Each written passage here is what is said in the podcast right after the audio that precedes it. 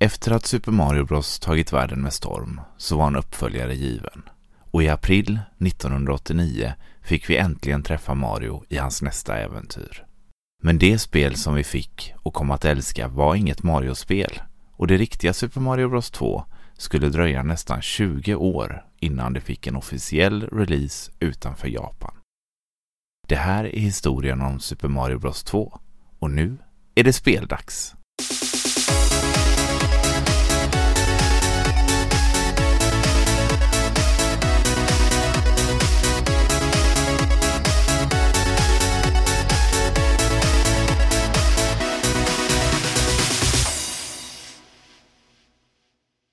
Super Mario Bros 2 släpptes i Sverige den 28 april 1989 och sålde snabbt slut på hyllorna i leksaksbutiker landet runt.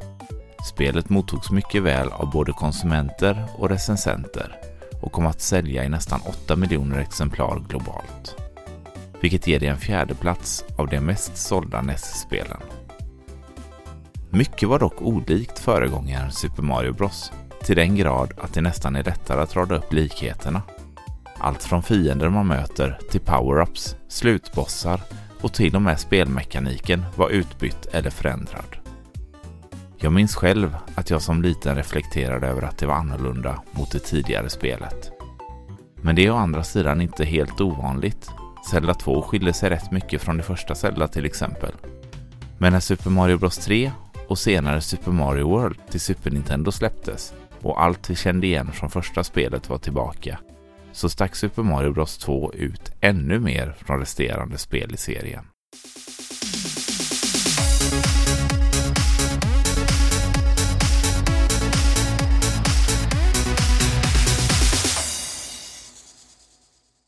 Det hela började några år tidigare i Japan.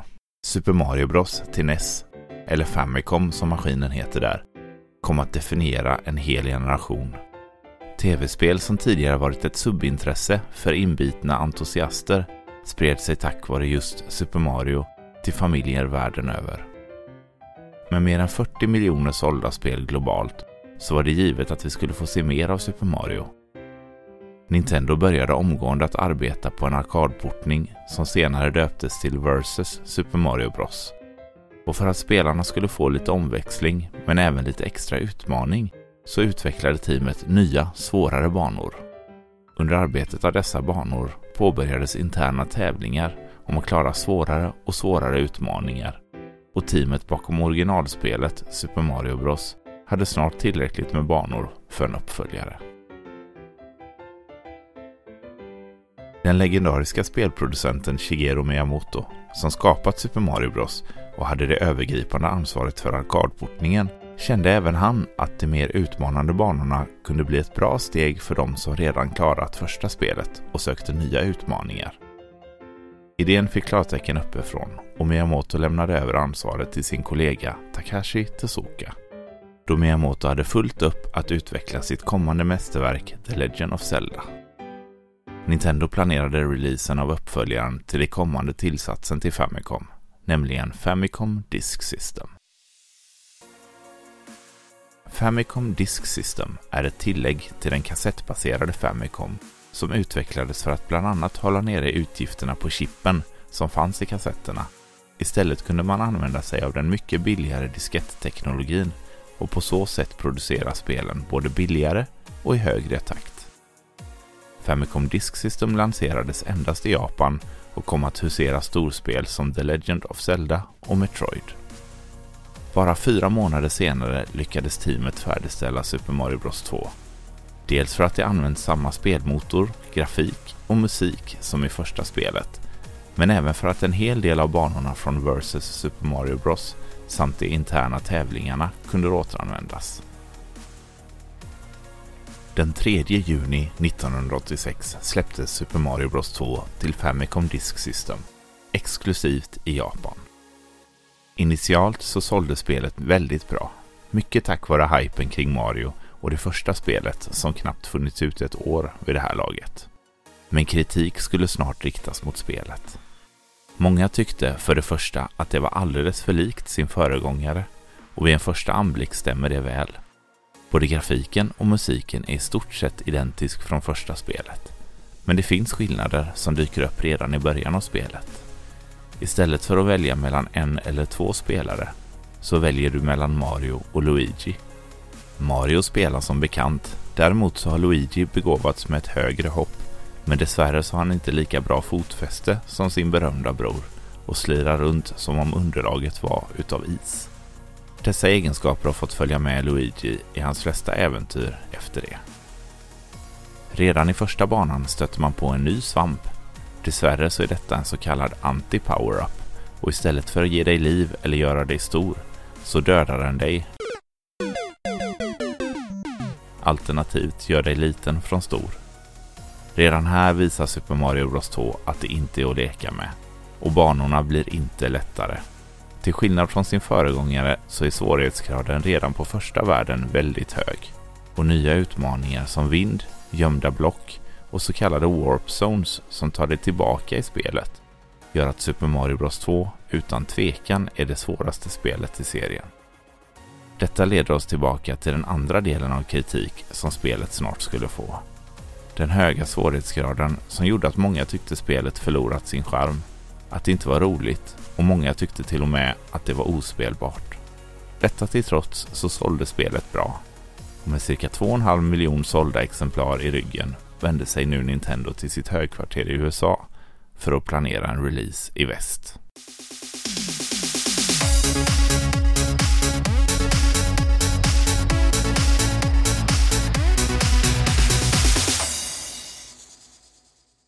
Nintendo of America blev dock inte imponerade. Tvärtom. Den avdelning som arbetade med att testa och kvalitetssäkra kommande spel tyckte att den höga svårighetsgraden och den nästintill orättvisa bandesignen gjorde spelet till en smärtsam upplevelse. Minoru Arakawa, som var VD för Nintendos amerikanska avdelning, mottog informationen och hade ett svårt beslut framför sig. Att tacka nej till uppföljaren till världens då största spel görs inte i en handvändning. Men Arakawa litade på sin personal och kontaktade Nintendos VD Hiroshi Yamauchi, som dessutom var hans svärfar. Han förklarade att spelet var för svårt och att den amerikanska marknaden inte var redo för den här typen av svårighetsgrad. Utöver detta så tryckte Arakawa på att en uppföljare borde ha en uppdaterad grafik för att fånga konsumenternas intresse.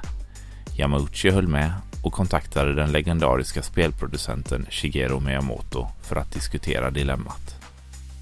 Samtliga av Nintendos utvecklingsteam hade fullt upp med andra spel, så att börja om från början blev det inte tal om. Dessutom så ville Nintendo få iväg något så snart som möjligt då både konkurrenten Sega såväl som tredjepartsutvecklare var i full fart att släppa nya heta titlar. Nintendos VD i USA, Minoru Arakawa, föreslog då att istället för att påbörja utvecklingen av ett nytt spel så kunde man helt enkelt ta ett tidigare spel och göra om det till ett Mario-spel. Detta var inte första gången Nintendo hade gjort något liknande. Tidigare på 80-talet, när Nintendo förlorat licensen till Popeye, så valde man att göra om en tidig prototyp till vad som skulle komma att bli Donkey Kong. Arakawa föreslog att spelet Yumi Koyo Doki Doki Panic vore en bra kandidat. Dels för att det redan hade många av de moment man förknippar med Super Mario, men även för att det endast hade släppts i Japan. Yume Koyo Doki Doki Panic utvecklades från ett av teamen som jobbade direkt under Shigeru Miyamoto. Spelet var ett samarbete mellan Nintendo och det japanska tv-nätverket Fuji Television som efterfrågat ett spel i samband med deras kommande festival The Dream Factory. Festivalen som skulle pågå under sommaren 1987 i Tokyo och Osaka var ett enormt jippo med livekonserter, tävlingar, specialprogram på tv och mycket, mycket mer. För att fira ordentligt så ville Fuji dessutom ha specialprodukter som de kunde sälja under festivalen. Och med tanke på Nintendos enorma popularitet med sin Famicom så vore ett spel den perfekta produkten. Nintendos team träffade Fuji och fick i stort sett fria händer när det kom till att utveckla spelet. Fuji hade dock ett krav. Med sig hade de ett papper med fyra karaktärer som skulle användas i spelet. De fyra karaktärerna ingick i den så kallade Dream Factory Family och var den officiella maskotten för festivalen. Arbetet med spelet påbörjades direkt och under tidiga diskussioner kring vad för spel det skulle vara så nämnde Shigeru Miyamoto, som var projektets chef, att något åt Mario-hållet vore ju passande. Teamet började laborera med en tidigare spelidé som fokuserade på vertikala banor snarare än horisontella. Och en annan äldre idé om att plocka upp objekt ur marken implementerades som den huvudsakliga spelmekaniken. För att spelare skulle känna igen sig så smög man in diverse Mario-referenser i spelet, som till exempel den blinkande stjärnan som gör dig odödlig under en stund, powerblocken från Mario Bros samt mynt och warp zones likt det i Super Mario Bros.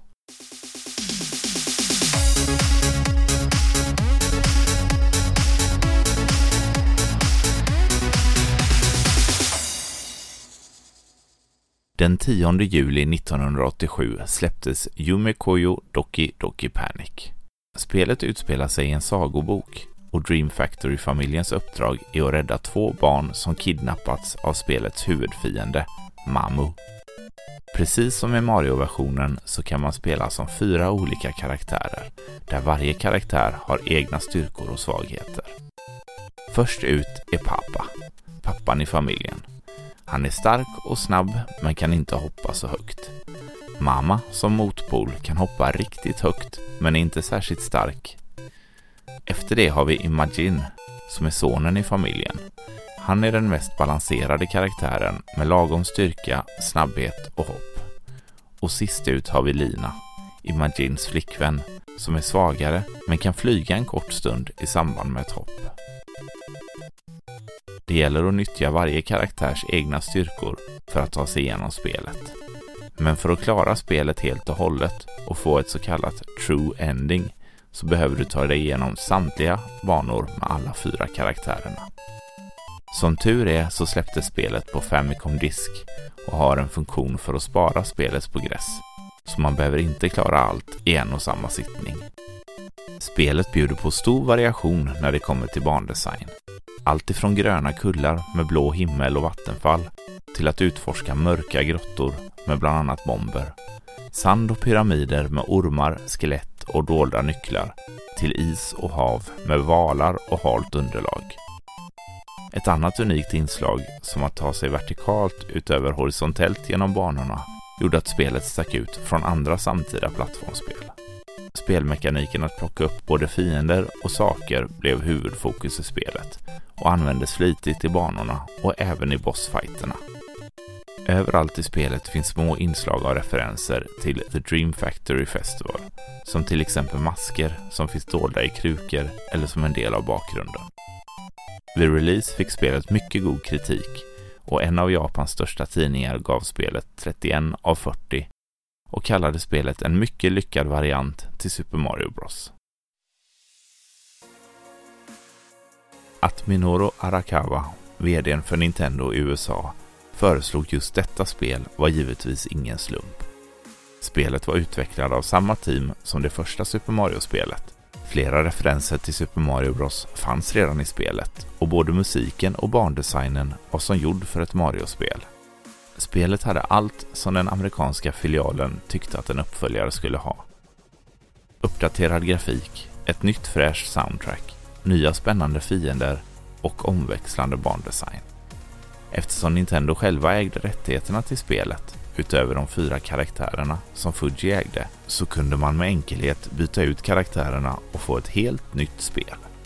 Bara några månader senare, i början av 1988, fick Nintendo of America en ny prototyp skickad till sig.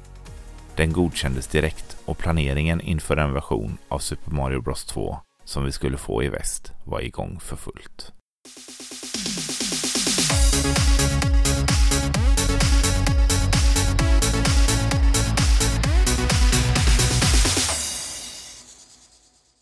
I juli samma år, 1988, släpptes den nya tidningen Nintendo Power, som Nintendo of America själva ansvarade för. Tidningen var gratis och första utgåvan pressades i 600 000 exemplar, som tog sig fram till spelentusiaster över hela USA. Framsidan pryddes av Super Mario Bros 2, och i tidningen kunde man läsa mer om den efterlängtade uppföljaren. Och man skulle inte behöva vänta länge. Bara tre månader senare, den 10 oktober, släpptes äntligen Super Mario Bros 2. Här i Sverige och resten av Europa fick vänta tills den 28 april året därpå. Spelet släpptes till slut i Japan, men då med titeln Super Mario USA i september 1992, nästan fyra år senare. Vad skiljer sig då mellan Doki Doki Panic och Super Mario Bros 2? Självklart är huvudkaraktärerna utbytta. Mario fick ta Imagines plats som den mest välbalanserade karaktären. Luigi, Marios ibland bortglömda bror, tog mammas plats med bland annat ett högre hopp. Prinsessan Peach, som för första gången är en spelbar karaktär, fick byta plats med Lina, Imagines flickvän, med möjlighet att flyga kortare stunder. Och sist fick vi se Toad som pappa, stark och snabb, men med ett kortare hopp. Möjligheten att spara som fanns i Doki Doki var borttagen. Men å andra sidan behövde man inte klara spelet som alla individuella karaktärer i Mario-versionen. Man kan dessutom byta karaktär mellan varje bana istället för varje värld som i Doki Doki. Andra små förändringar som gjordes är till exempel att lägga till möjligheten att springa, byta ut maskerna som refererar till festivalen samt att vissa namnbyten är gjorda, som på till exempel huvudfienden, den onda grodan Mamu, som fick namnet Wart istället. Huvudstoryn var något annat som skilde spelen åt. I Super Mario Bros 2 så ska vi inte längre rädda de två kidnappade barnen, utan istället utspelar sig spelet i en dröm där Mario och hans vänner ska rädda världen från den onda Wart. Men utöver detta så är det mesta faktiskt sig väldigt likt. Super Mario Bros 2 har dock fått en hel del förbättringar och man har putsat både grafiken och ljudet på sina ställen, vilket gör det till det bättre av de två spelen. Som liten minns jag att jag ofta lånade Super Mario Bros 2 av min moster. Jag hade spelat det första Super Mario-spelet så mycket att jag nästan kunde det utan till. Och det blev tydligt, även från en sexårings perspektiv, att spelen skilde sig mycket åt. Det var något med Super Mario Bros 2 som aldrig riktigt kändes rätt för mig. Det var svårt att sätta fingret på vad, men det kändes annorlunda. När jag många år senare fick reda på hur det låg till så föll poletten äntligen ner. Men jag var inte ensam om ovissheten och för Nintendo själva så skulle det dröja nästan 20 år innan det riktiga Super Mario Bros 2 fick en officiell release i väst.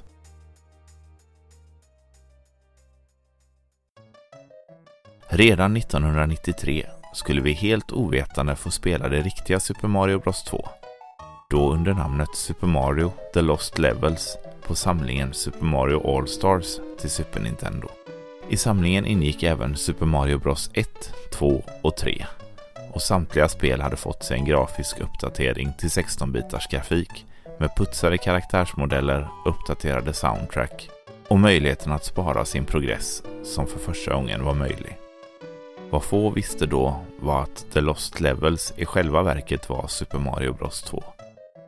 En äkta portning av originalspelet släpptes äntligen på Nintendo Wii's e-shop år 2007 och några år senare på Nintendo 3DS e-shop. Detta är de enda officiella portningar av NES-spelet som till dagens datum är släppta utanför Japan.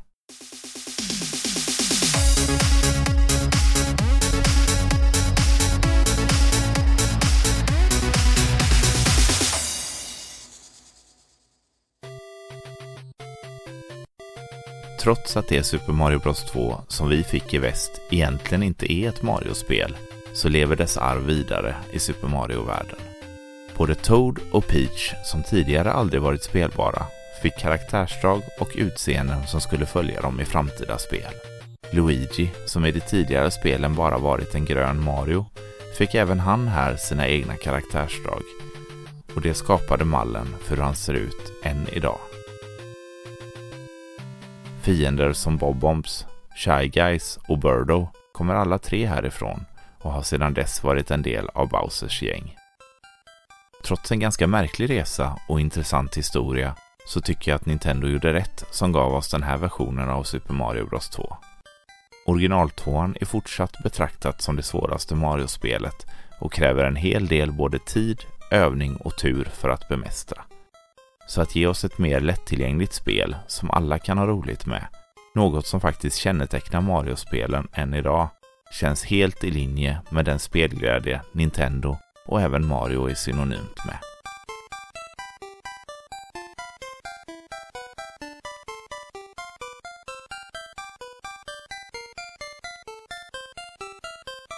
Tack för att ni har lyssnat. Vill ni hjälpa mig att stötta podden så prenumerera gärna i den app ni lyssnar på. Det går även att lämna omdömen i de flesta appar. Ni får mer än gärna dela podden i era egna sociala medier. Det är svårt att nå ut så jag tar all hjälp jag kan få. Jag har även ett Instagramkonto som kort och gott heter Speldags. Där lägger jag ut bilder relaterade till poddavsnitten, men även lite annat kul runt omkring. Vill ni nå mig gör ni det bäst via Instagram. Så där får ni jättegärna gå in och följa mig om ni har möjlighet till det. Stort tack än en gång så hörs vi i nästa avsnitt. Hej!